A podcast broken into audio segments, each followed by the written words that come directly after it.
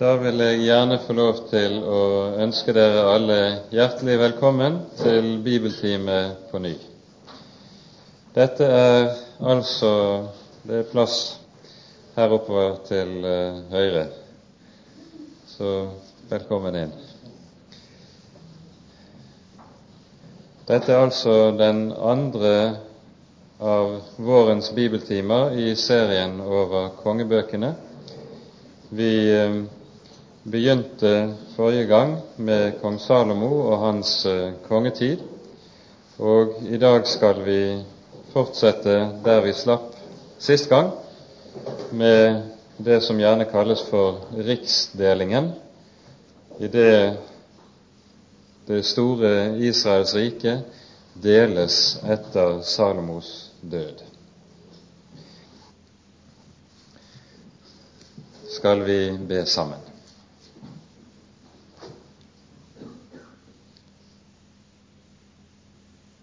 Kjære Herre, du trofaste og hellige Gud.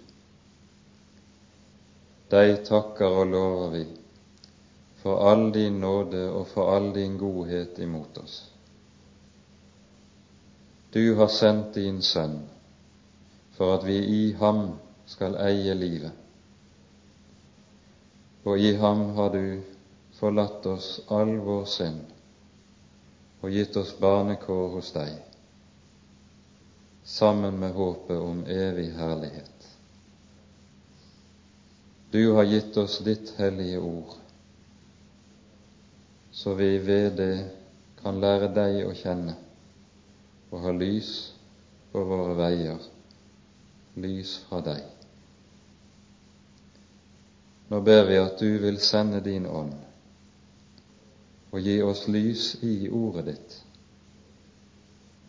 så vi, Herre, kan få lov også å få lys fra Ordet inn i våre liv, slik du ser vi trenger det, hver enkelt av oss. Kom, Herre, med din ånd, og tal til oss etter ditt behag. Det ber vi i vår Herres Jesu navn. Amen.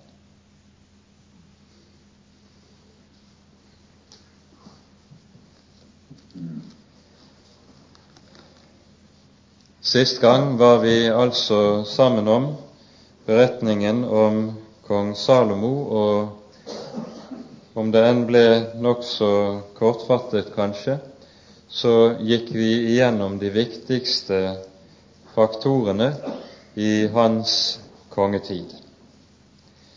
Skal vi sammenfatte Salomos kongetid, så kan det kanskje passende gjøres gjennom det lys vi får via 5. Moseboks 17. kapittel, der Herren allerede ved Mose munn gir lover for Israels konger, når så langt kommer at folket får konger etter at de er kommet inn i det lovede land. Det gikk jo fra Mose død og frem til Israel fikk sin rette konge, vel 400 år, da David satt på tronen. Men i 5. Mosebok 17 leser vi slik fra vers 14 av. Når du kommer inn i det land Herren din Gud gir deg, og du eier det og bor i det, og du så sier, Jeg vil sette en konge over meg, like som alle de folk som bor rundt omkring meg. Da skal du sette den til konge over deg, som Herren din Gud utvelger. En av dine brødre skal du sette til konge over deg. Du må ikke sette over deg en fremmed mann, en som ikke er din bror han skal ikke holde mange hester, og ikke sende folket tilbake til Egypt for å hente mange hester. For Herren har sagt til dere, dere skal ikke mer vende tilbake den vei. Han skal heller ikke ta seg mange hustruer, for at hans hjerte ikke skal komme på avveier. Heller ikke skal han samle seg meget sølv og gull. Når han så sitter på sin kongetrone, da skal han få denne lov hos de levittiske prester og la den skrive av for seg i en bok. Og den skal han ha hos seg og lese i den alle sitt livs dager, for at han kan lære å frykte Herren sin Gud. Så han tar vare på alle denne lovs ord og disse forskrifter og holder dem, for at han ikke skal opphøye seg over sine brødre og ikke vike av fra budet verken til høyre eller til venstre. Da skal han leve lenge som konge i Israel, både han og hans sønner. Dette avsnittet i Femte Mosebok har gjerne vært kalt for kongeloven. Og vi ser i de ting Herren forbyr Israels konger å gjøre, er det særlig tre hovedsaker som understrekes. For det første forbys de å ta seg mange hustruer. For det andre å ha mange hester, dvs. Si å samle seg en sterk krigsmakt. Hestene hørte med til det viktigste våpen i datidens militærvesen. Og det tredje var at kongen advares mot å samle seg store rikdommer i form av gull og sølv. Dette er noe Herren advarer sitt folk imot av en helt bestemt grunn. Det er at Guds folk er ikke utpekt til å være som alle de andre omkringliggende hedenske folkeslag. Guds folk skal ikke hevde seg som alle de andre folk og på deres premisser, ved stor ytre prakt, ved stor militær makt og gjennom dette som var et særkjenne for Østens herskere, de store haremer. Alt dette ville være noe som stred imot Guds folks natur, nettopp som Guds folk, som det hellige folket. Og Derfor skal den som var folkets fremste, heller ikke ha det, noen av disse tre saker som innseil på sitt, kongedømme. Og så ser vi i første kongebok at alle disse tre grunnsaker er det Salomo forbryter seg imot. Han samler seg en veldig krigsmakt i form av kavaleri. Hester kjøper han fra Egypt i mengder. Han gjør sølv og gull like så vanlig som gråsten i Jerusalem, hører vi. Og så hører vi om hans veldige harem på mange hundre hustruer og medhustruer. Og så skjer nettopp det som Herren advarer Salomo imot. Han opphøyer seg i sitt hjerte, og på sine gamle dager faller han fra Herren sin Gud. Underlig er det å tenke på at han som i ordspråkene sier å frykte Herren er begynnelsen til visdom. Han blir så stor, så mektig og så vis at han glemmer begynnelsen. Å frykte Herren er begynnelsen til visdom. Og derfor blir Salomos gamle dager en tid som likesom danner innledningen til et begynnende mørke for Israel. Og da hopper vi til første kongeboks ellevte kapittel.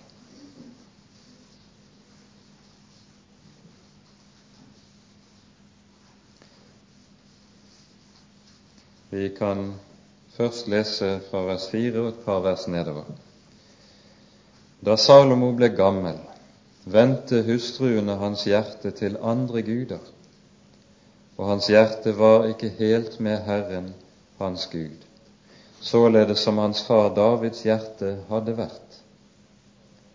Og Salomo fulgte Astarte, sidoniernes guddom, og Milkom ammonittenes vederstyggelighet. Og Salomo gjorde hva ondt var i Herrens øyne og fulgte ikke trolig efter Herren, således som hans far David hadde gjort.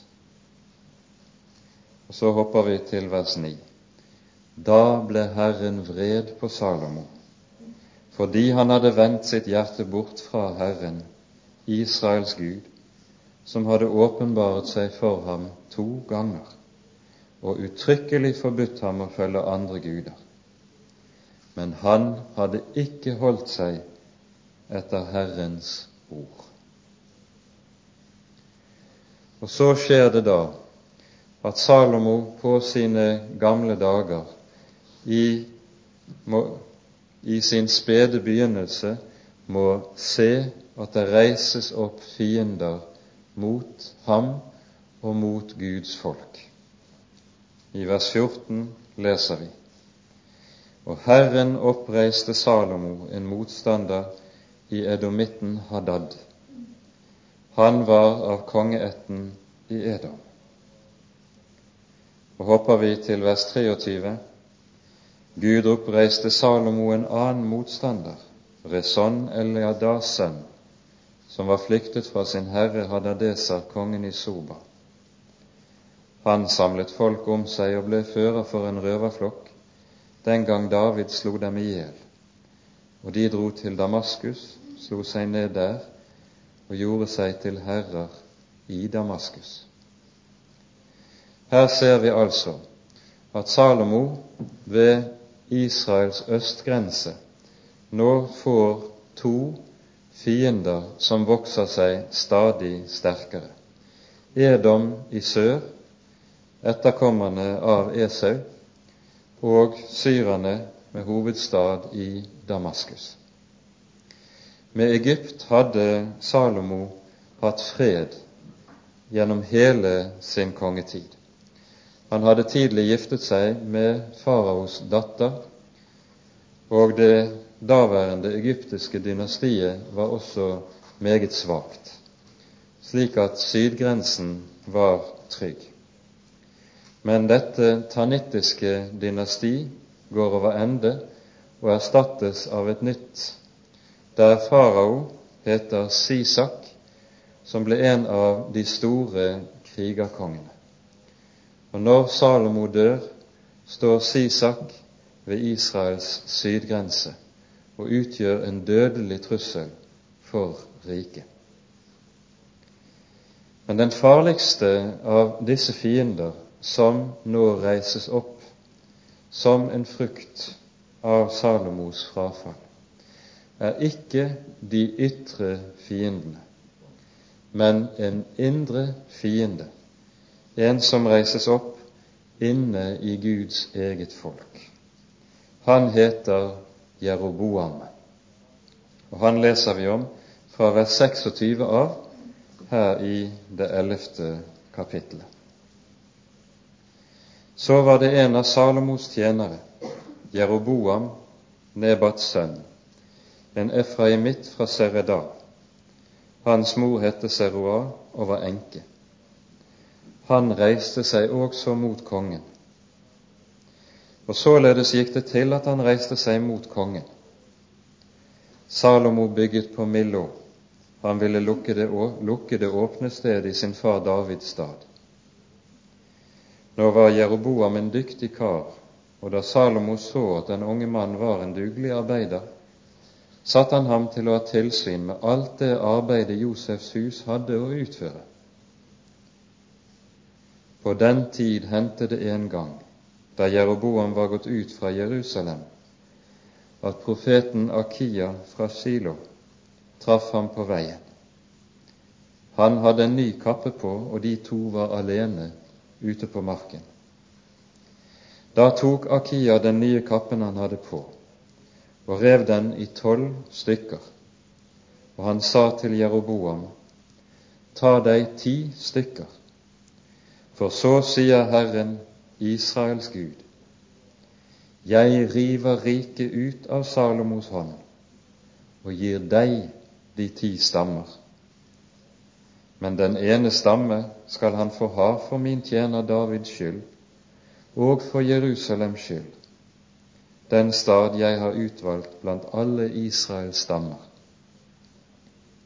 Så vil jeg gjøre, fordi de har forlatt meg og tilbedt Astarte, sidoniernes guddom, og Kamos, Moabs gud, og Milkom, Ammons barns gud, og ikke vandret på mine veier, og ikke gjort hva rett er i mine øyne og ikke holdt mine lover og bud, således som hans far David gjorde.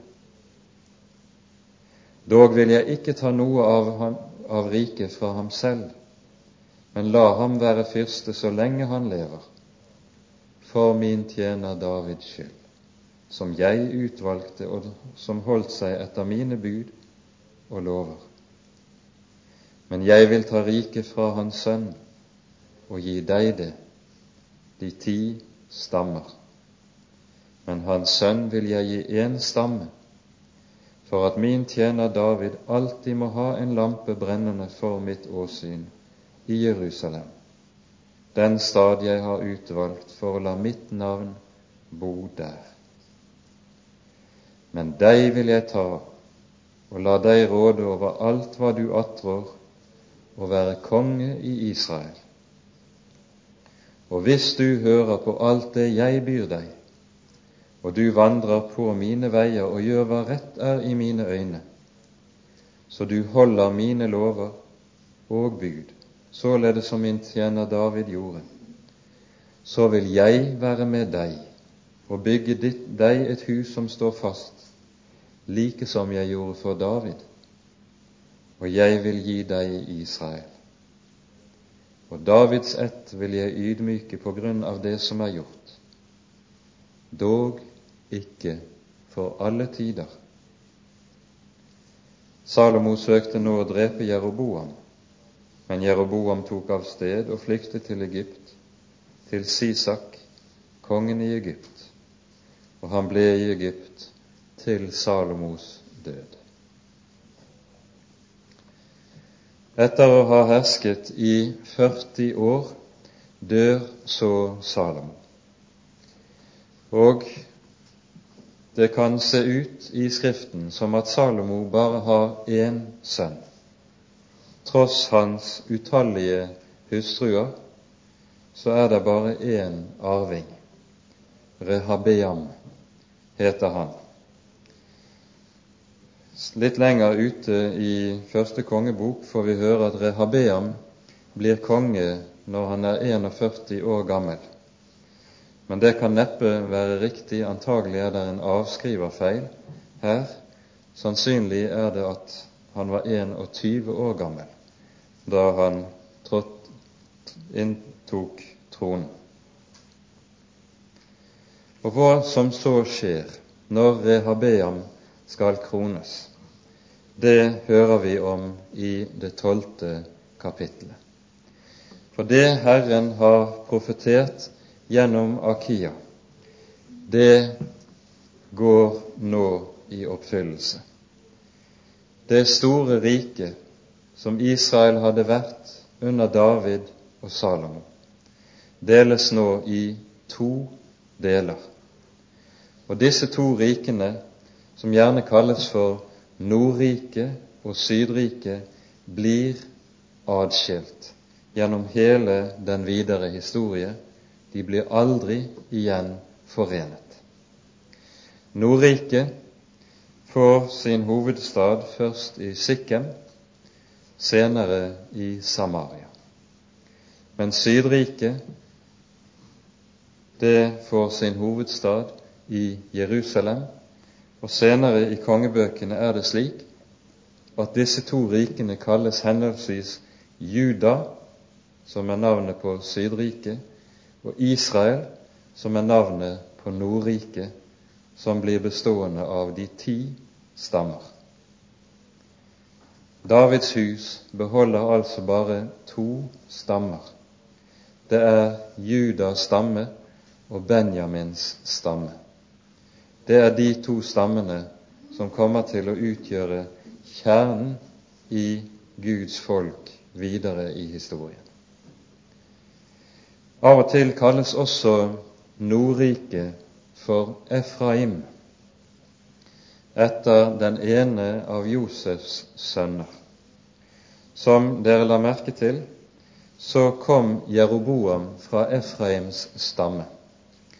Og Efraims stamme var den mektigste av de ti stammene i nord. Juda var den stamme David kom fra. Og vi leser ikke minst i kongebøkene, men også flere steder i Samuelsbøkene, at det var en stadig rivalisering mellom disse to sterkeste av Israels tolv stammer, Efraim og Juda. Derfor var det også slik at det tok mange år før Efraim og med dem de nordlige stammene ville anerkjenne David som konge. Denne gamle rivalisering som har ligget under overflaten, den skyter ut i full blomst på slutten av Salomos kongetid. Og den blir foranledningen til den deling som nå skjer i riket. Og Da leser vi i kapittel 12. Rehabeam dro til Sikkem, for hele Israel var kommet til Sikkem for å gjøre ham til konge. Da Jeroboam Nebats sønn hørte det, han var ennå i Egypten, han var flyktet dit for kong Salomo som, og bodde således nå i Egypten. Men de sendte bud dit og kalte ham hjem. Da kom han og hele Israels menighet og talte til Rehabeam og sa:" Din far gjorde vårt åk tungt, men lett nå den hårde tjeneste og det tunge åk som din far la på oss, så vil vi tjene deg. Han svarte dem, Gå bort og vent i tre dager, og kom så hit til meg igjen. Så gikk folket bort.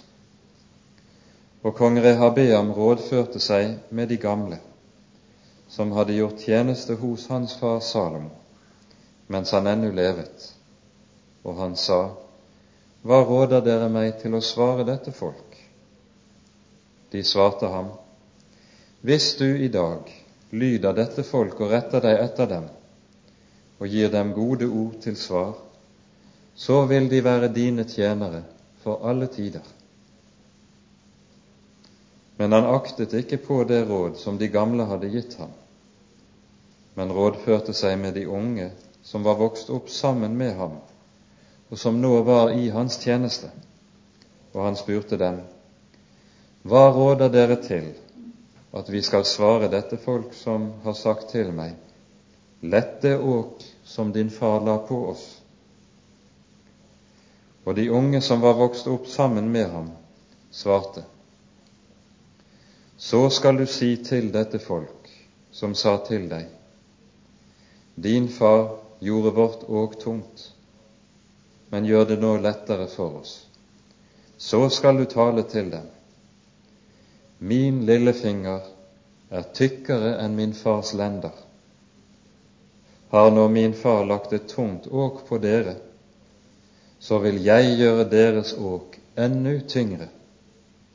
Har min far tuktet dere med sveper, så vil jeg tukte dere med skorpioner. Så kom Jeroboam og alt folket til Rehabeam den tredje dag, således som kongen hadde sagt. Kom til meg igjen om tre dager. Da ga kongen folket et hårdt svar. Han aktet ikke på det råd som de gamle hadde gitt ham, men han svarte dem som de unge hadde rådet til. Har min far gjort deres åk tungt, så vil jeg gjøre deres åk enda tyngre. Har min far tuktet dere med sveper, så vil jeg tukte dere med skorpioner. Kongen hørte ikke på folket, for Herren styrte det så, for at Hans ord skulle bli oppfylt, det som Herren hadde talt til Jeroboam, Nebats sønn, ved Akia fra Silo. Da nå hele Israel så at kongen ikke hørte på dem, svarte folket kongen og sa:" Hva del har vi i David? Vi har ingen lodd i Isais sønn, til dine telt, Israel. Se nå selv til ditt hus, David. Så dro Israel hjem igjen. Bare over de Israels barn som bodde i Judas byer, ble Rehabeam konge. Og dermed er delingen av Salomos rike et faktum. Og fra denne dag av er det to konger i det gamle riket. Rehabeam i syd i Jerusalem, Jeroboam av Efraims ett i nord over Nordriket. Det er paradoksalt å tenke på hva navnene til disse to kongene betyr.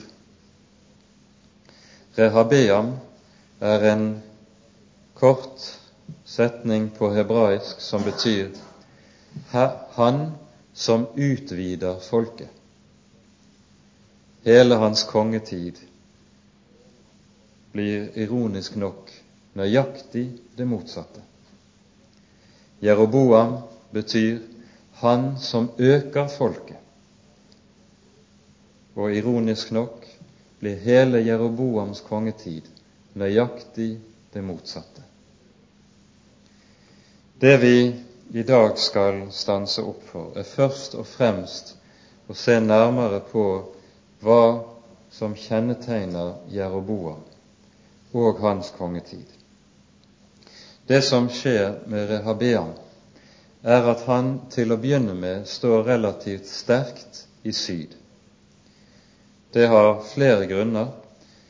For det første får han være i fred fra Sisak i Egypt de første årene.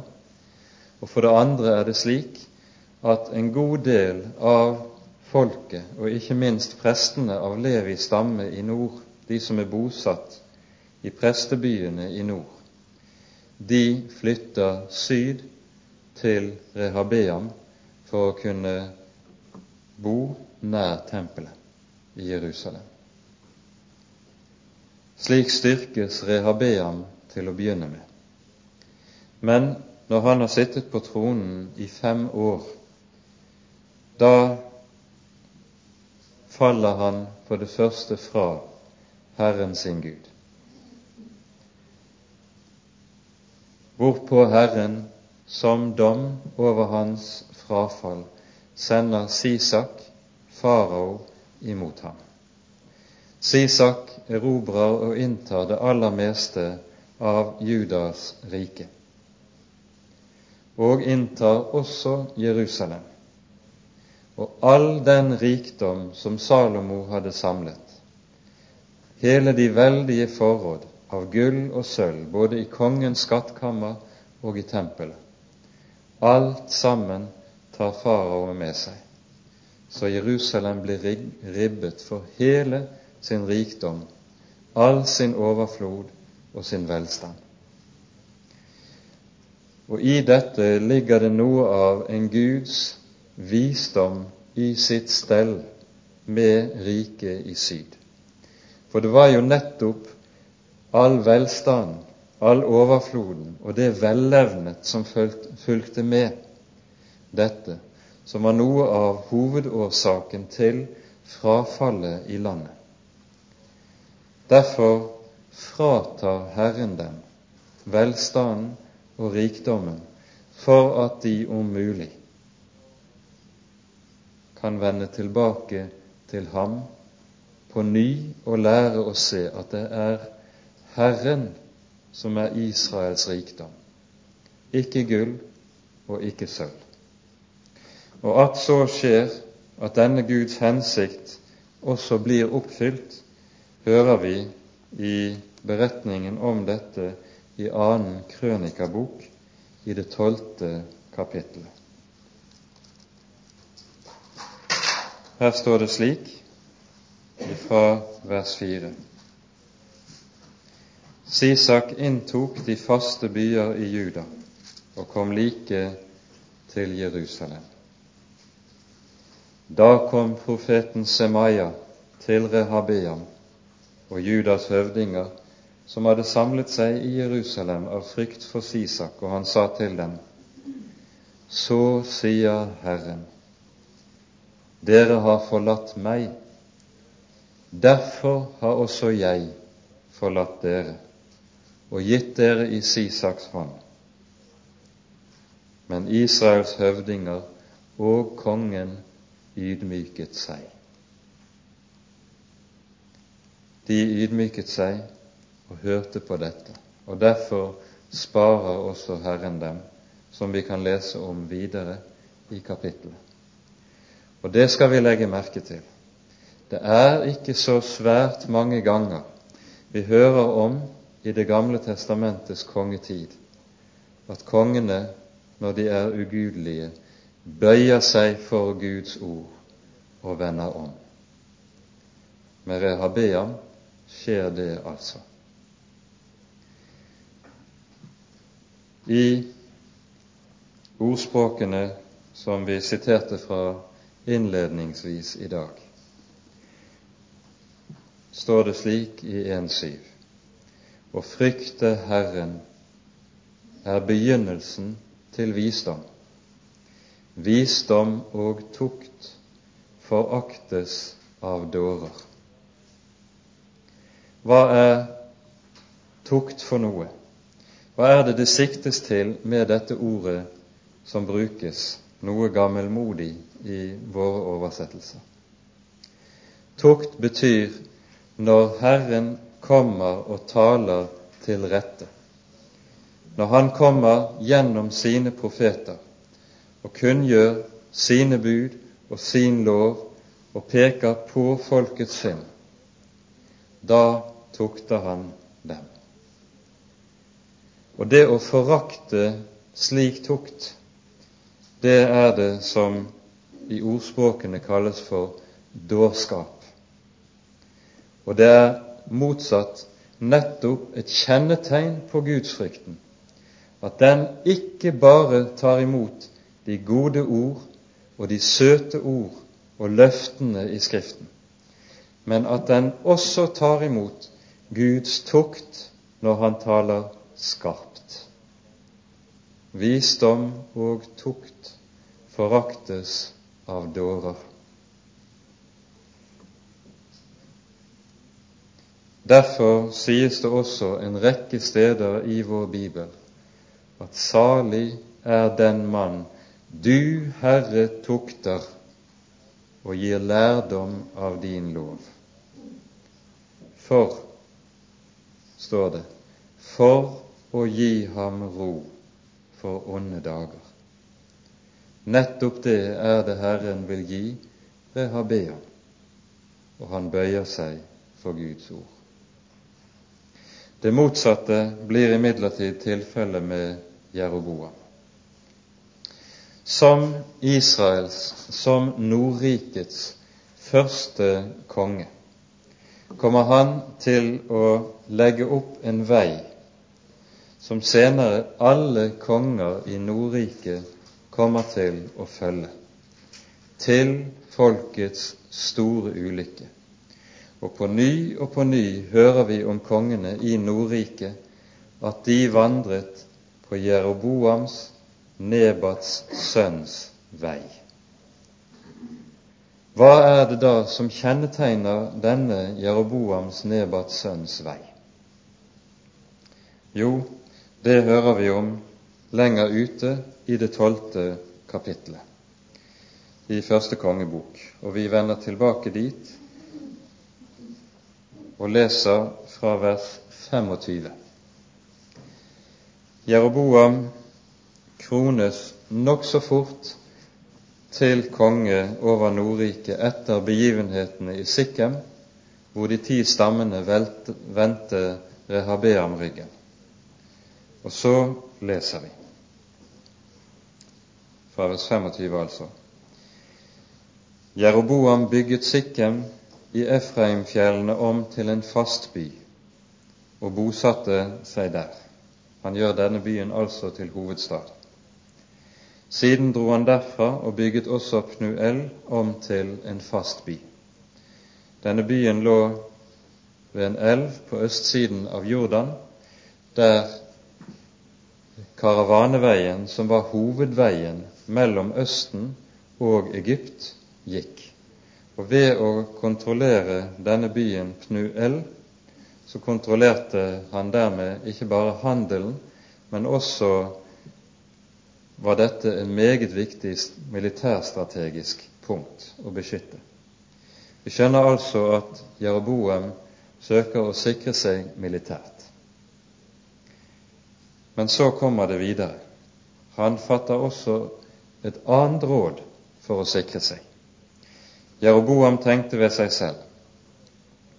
Riket kunne snart komme tilbake til Davids hus dersom dette folk drar opp for å bære frem offer i Herrens hus i Jerusalem, så vil deres hjerte igjen vende seg til deres herre Rehabeam, Judas konge, og så vil de drepe meg og vende tilbake til Judas konge Rehabeam.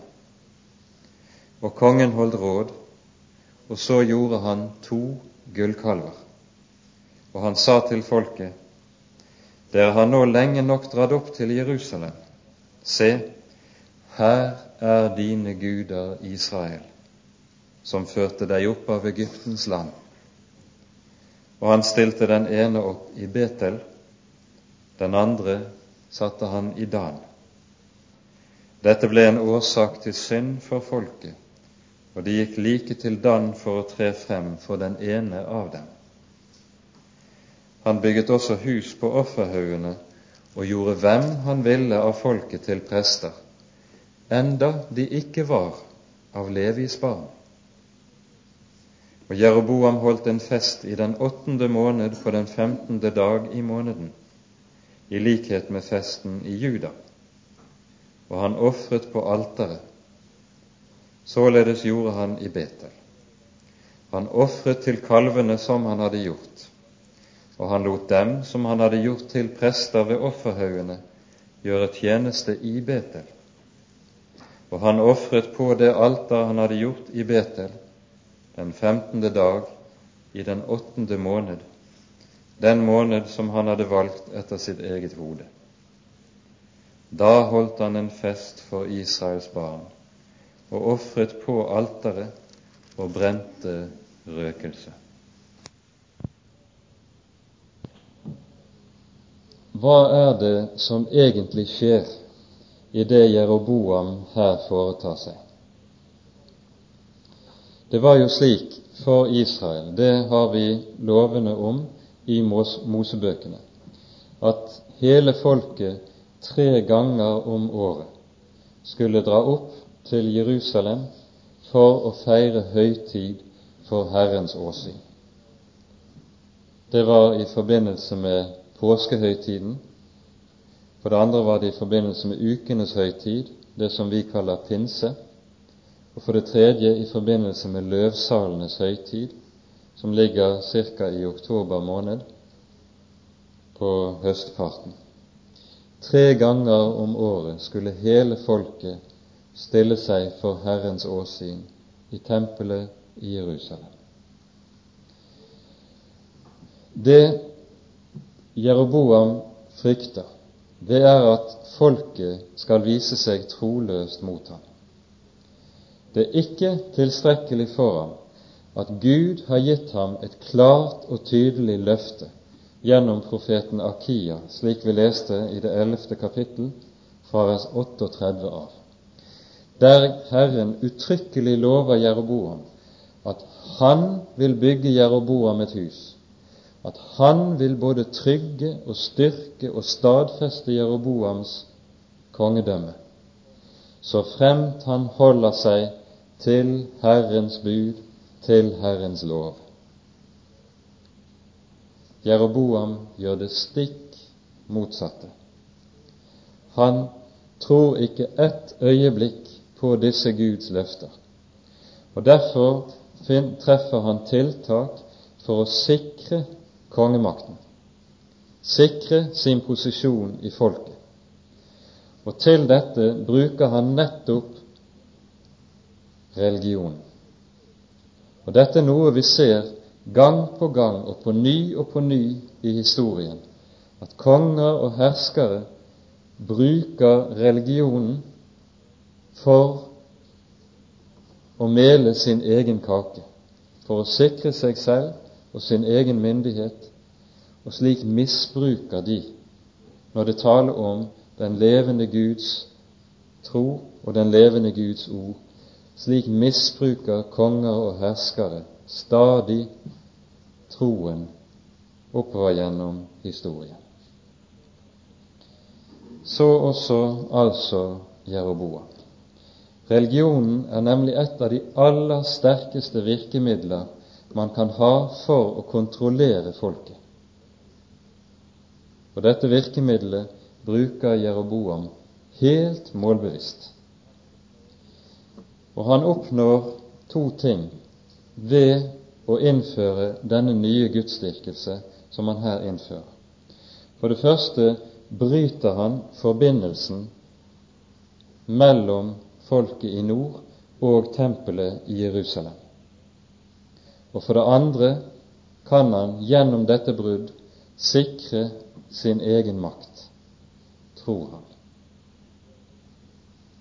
Men det han oppnår, er å bygge huset sitt på sand. For vi hører allerede i slektleddet som følger etter ham, så avsettes Jeroboams hus til fordel for et nytt dynasti i nord. Og det sies uttrykkelig at dette er Guds dom over Jeroboam og hans synd. Men det kommer mer om det ved en senere anledning. Det som nå kjennetegner denne gudsdyrkelse som Jeroboam oppretter, det er for det første at den er slik innrettet at den møter og metter folkets religiøse behov. Det er en gudsdyrkelse som er meget, meget enklere og lettere å forholde seg til enn den dyrkelse av Herren som foregikk i tempelet i Jerusalem. Ved å plassere de to sentral- eller rikshelligdommene i Betel og i Dan så plasserer han helligdommene ved sitt rikes sydgrense, nemlig i Betel, og den ytterste nordgrensen i Dan, slik at helligdommene blir liggende bekvemt til. Nå slipper folket å dra den tunge og til dels også strabasiøse veien helt opp til Jerusalem. Og I det ligger det et meget godt bildet på hva som også kjennetegner hele dyrkelsen som foregår i Betel. De får en Gud som er lett å ha med å gjøre. De får i det hele tatt en gudsdyrkelse som på en helt annen måte passer dem. For dette er noe vi ser stadig i menneskenes historie, at det å forholde seg til den levende Gud, som er en usynlig Gud, det er alltid noe som er vanskelig for menneskene. Dette så vi allerede med Israel da de sto under Sinai og Aron laget gullkalven for dem. Det er så meget, meget enklere å ha en Gud du kan ta og føle på, som du kan se og erfare, i stedet for en som er usynlig, og som du bare kan tro på Hans ord, og som du bare kan forholde deg til gjennom Hans ord. Det er noe dypt i oss som butter imot nettopp det. Og Derfor er gullkalvene så meget lettere å dyrke, så meget lettere å forholde seg til. Dette så meget mer som de som alle andre avguder, også er kjennetegnet av det at de ikke irettesetter menneskene når de lever i synd. Det som kjennetegner Israels Gud, han som troner på Sion i Jerusalem, det er jo at han kan et menneske bare forholde seg til ved omvendelse men med gullkalvene er det meget lettere. Der kan du ha din religiøsitet, dine bønner, dine opplevelser, uten å behøve å vende om det aller minste. Der klinger og lyder ikke Guds lov, men du skal få lov å være akkurat så religiøs som du bare vil likevel. Og dette er all avgudsdyrkelse i grunnen i én en enkelt sum.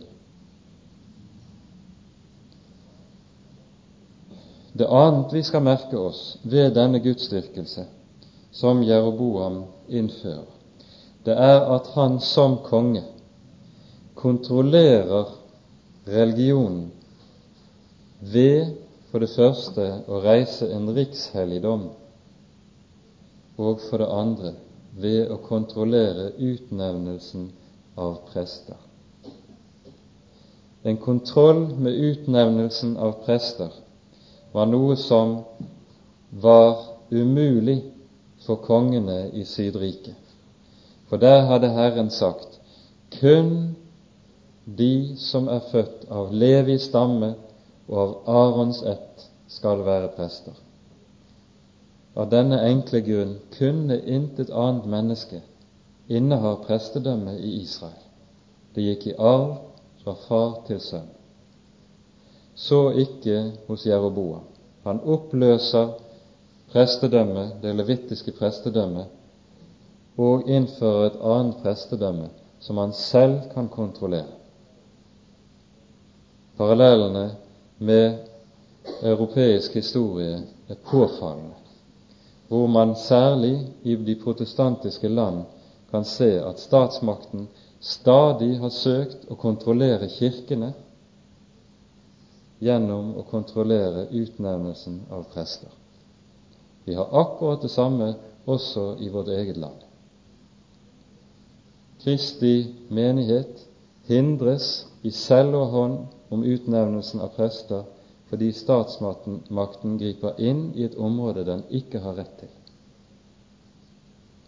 Dette er misbruk av myndighet og ikke i samsvar med Den hellige Skrift. For det tredje forandrer også Jeroboam de hellige tider og seder. Han flytter, hørte vi i de to siste versene i kapittelet, festene. I Israel, etter Guds lov, skulle løvsalgsfesten feires i den syvende måned fra den femtende dag i måneden. Jeroboam flytter denne høytid ut til neste måned.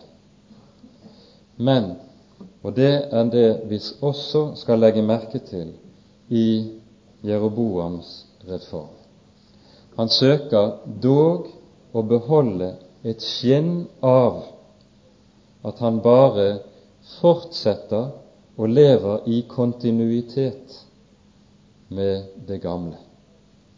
For slik er det alltid med ethvert bevisst frafall som skjer i Guds folks historie, så skjer det alltid under skinn av at det er den samme gamle tro. Vi skal bare ha en ny form og en ny skikkelse som er tilpasset vår egen tid. Legg derfor merke til at Jeroboam slett ikke sier, når han setter kalvene i Betel og i Dan, at her har du Astarte og Bad som du kan dyrke. Men han sier, dette er Herren din Gud Israel, som førte deg opp av Egyptens land. Og denne formen for å drive med kamuflasje, den har alltid kjennetegnet frafall. Under skinn av rettroenhet innføres det som er stikk i strid med Guds ord. Tør vi dra parallellen til vår egen tid? Den er i øynefallende. At Jeroboam ikke kan få lov til å innvie og vigsle sitt nye tempel og sin nye gudsdyrkelse upåtalt av Herren, sier seg selv. Derfor møter vi begivenhetene i det trettende kapittel, der vi nå går inn, og dette skal vi avslutte med i dag. Under den høytidelige innvielsesseremonien, der Jeroboam står som leder av den nye gudstjeneste som han selv har innstiftet, der han så å si står som konge og ypperste prest i en og samme person, og nå skal til med å ofre det høytidelige offeret. så leser vi. Da kom det på Herrens bud en Guds mann til Betel fra Juda nettopp som Jeroboam sto ved alteret for å brenne røkelse. Og han ropte på Herrens bud mot alteret. Alter, alter, så sier Herren, det skal fødes en sønn for Davids hus, Josias skal han hete, og på deg skal han ofre offerhaugenes prester, som brenner røkelse på deg og det skal brennes menneskeben på deg. På samme tid forkynte han et tegn og sa:" Dette er tegnet på at Herren har talt. Alteret skal revne, og asken som er på det, skal spres. Da kong Jeroboam hørte de ord som den Guds mann ropte mot alteret i Betel, rakte han ut sin hånd fra alteret og sa, Grip ham. Men hånden han rakte ut mot ham, visnet, og han kunne ikke dra den til seg igjen. Og alteret revnet, og asken sprettes fra alteret. Det var det tegn som den Guds mann hadde forkynt på Herrens bud. Da tok kongen til orde og sa til den Guds mann, Bønnfall Herren din Gud, og be for meg at jeg må kunne dra min hånd til meg igjen. Og den Guds mann bønnfalt Herren, og kongen kunne dra sin hånd til seg igjen. Den ble som den hadde vært før. Da sa kongen til den Guds mann, Kom hjem med meg og vederkveg meg, og la meg få gi deg en gave. Men den Guds mann sa til kongen, om du ga meg halvdelen av ditt hus, ville jeg dog ikke gå hjem til deg. På dette sted vil jeg verken ete brød eller drikke vann. For dette bud fikk jeg av Herren, du skal verken ete brød eller drikke vann og du skal ikke vende tilbake den vei du gikk. Så tok han av sted en annen vei og vendte ikke tilbake den vei, den vei han var kommet til Betel. Skal Herren tre inn overfor Jeroboam, må det skje nettopp her, hvor han så å si ikke bare er på det punkt i sitt liv og i Guds folks liv hvor han radikalt og offentlig vanhelliger Guds land, navn, men også som en riksakt bryter med Israels Gud. For det er det som skjer her. Derfor må Herren tre inn, som han gjør ved denne Guds mann som kommer fra Juda. Og det er ganske symbolsk at tegnet som ledsager dommen, er at alteret revner. Alteret som er reist av mennesker og ikke på Guds bud, de må falle. De må ødelegges. Så kan man undre seg over at når dommen også rammer Jeroboam idet han rekker ut hånden og han lammes, at han dog blir leget. I dette ligger der en Guds meget sterke og klare tale til Jeroboam. Herren er den som sårer og leger, sier Herren i handling ved dette slik som han sårer og slår Jeroboam, slik som han sårer og slår Israels folk og kommer til å gjøre det ved sine dommer. Slik vil han også komme til å lege dem når de bønnfaller ham. Derfor ligger det i det som her skjer med Jeroboam, at han både lammes og leges. Et Guds fingerpek til folket hva de skal gjøre når de slås under Guds dommer og bønnfaller Herren sin Gud.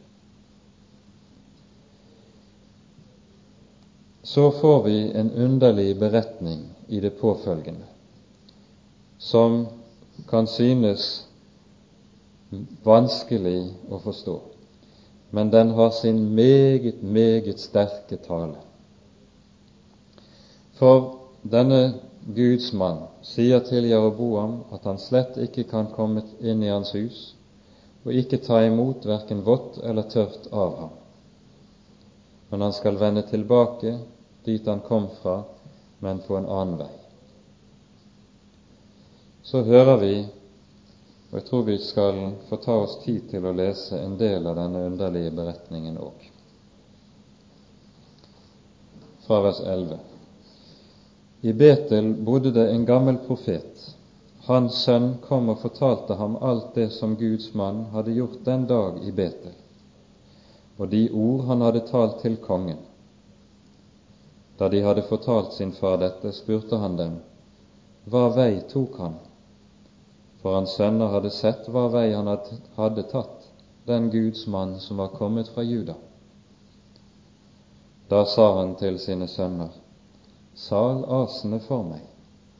Så salte de asene for ham, og han satte seg på det, og red av sted etter den Guds mann. Og han fant ham sittende under en terebinte, og han sa til ham, Er du den Guds mann som er kommet fra Juda? Og han svarte, Ja, det er jeg. Da sa han til ham, Kom hjem med meg og få deg litt mat. Men han sa, jeg kan ikke vende tilbake med deg og komme hjem til deg. Jeg vil verken ete brød eller drikke vann med deg på dette sted. For det kom et ord til meg fra Herren. Du skal verken ete brød eller drikke vann der. Du skal ikke vende tilbake den vei du gikk. Da sa han til ham, Jeg er også en profet, like som du og en engel har talt ett ord til meg fra Herren og sagt:" Få han med deg tilbake til ditt hus, så han kan få seg mat og drikke. men da han sa dette, løy han for ham. Så vendte han da tilbake med ham og åt og drakk i hans hus. Men mens de satt til bords, kom Herrens ord til den profet som hadde fått ham med seg tilbake. Og han ropte til den Guds mann som var kommet fra Juda. Så sier Herren, fordi du var gjenstridig mot Herrens ord, og ikke holdt det bud Herren din Gud ga deg, men vendte tilbake og åt og drakk på det sted hvorom han hadde sagt til deg, du skal verken ete brød eller drikke vann der, så skal ditt lik ikke komme i dine fedres grav. Da han nå hadde ett og drukket, salte han asene for ham, for profeten som hadde fått, han hadde fått med seg tilbake. Og han tok av sted, men på veien kom en løve imot ham og drepte ham. Og hans lik lå slengt bort etter veien, og asene sto ved siden av det, og løven sto også ved siden av liket. Da for det noen menn forbi, og de så liket som lå slengt bort etter veien, og løven som sto ved siden av liket. Og da de kom til den by hvor den gamle profet bodde, fortalte de det der. Hva betyr denne fortellingen? Hele fortellingen er en Guds anskuelsesundervisning, ikke bare for de enkelte mennesker som hører det der, men for Jeroboam og hele hans folk.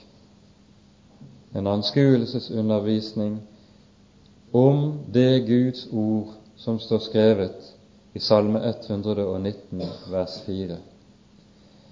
Herren har gitt sine bud for at en skal følge dem nøye. Det denne Guds mann gjør under påvirkning av en annen som lyver for ham, er at han begynner å resonnere med det Guds ord han har fått. Han visste klart og tydelig hva han skulle gjøre, og hva han ikke skulle gjøre og så gjør han imot Guds ord. Han visste ikke bare selv hva Herren hadde sagt. Du skal ikke ete og drikke, du skal ikke vende tilbake den vei du kom. Men han hadde offentlig, både for kongen og i hele folkets påhør, sagt ut hva Herren hadde talt til ham. Og så gjør han det motsatte selv, i alt folkets øyne. Han vender tilbake, han eter og drikker. Og Da må det også bli slik at like som Herren har truet med sine dommer for Jeroboam, så kan ikke Gud la det bli en anskuelsesundervisning for Jeroboam og hans folk at det ingen fare er med å bryte Guds bud at det ikke har noen konsekvenser å gjøre stikk imot det Herrens ord som er talt. Og profeten dør på veien. Og at denne, dette er ment og tenkt som et Guds offentlige vitnesbyrd om og stadfestelse på at Han er såre nøye med sitt ord det ser vi av utgangen på det samme kapittelet.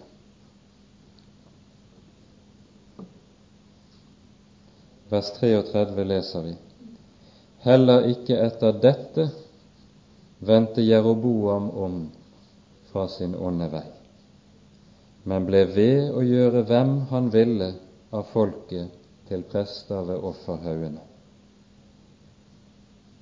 Heller ikke etter dette heller ikke etter at Gud har vitnet om, både i ord og gjerning, hvor nøye Han er på sine ord, sine bud og sine lover.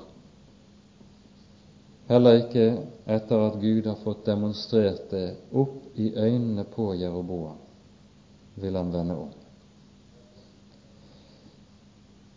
Det er antagelig slik at det er denne beretningen også apostelen Paulus henspiller på i innledningen til Galaterbrevet, der han sier slik Om endog jeg eller en engel fra himmelen forkynner dere et annet evangelium enn det dere har motsatt, han være forbannet. For det er slik at det Guds ord som er talt, det Guds ord som er gitt og åpenbaret, det kommer ikke Den hellige ånd, heller ikke noen sann Guds engel eller apostel, til å fornekte eller slå bena under. Det vil alltid være slik at den som taler imot og fornekter et Guds ord, han er en falsk profet, om han aldri så meget gir seg ut for å være en sann, ekte og levende profet. Denne Guds mann lot seg lure av den falske profet, og så gikk det ham ille.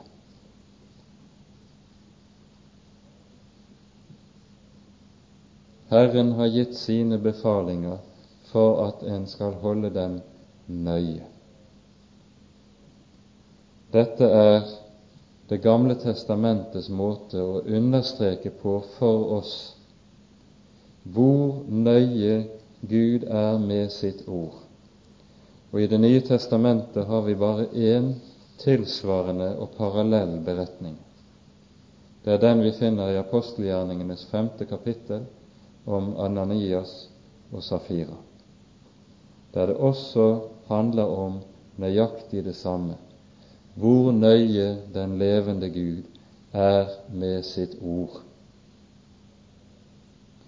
Vi kan synes dette er fryktelig, ikke minst på bakgrunn av vår måte å tenke på som vi er oppdratt til i vår moderne tid. Men Bibelens Gud er en hellig Gud. Bibelens Gud er en Gud som våker over sitt ord for å fullbyrde det.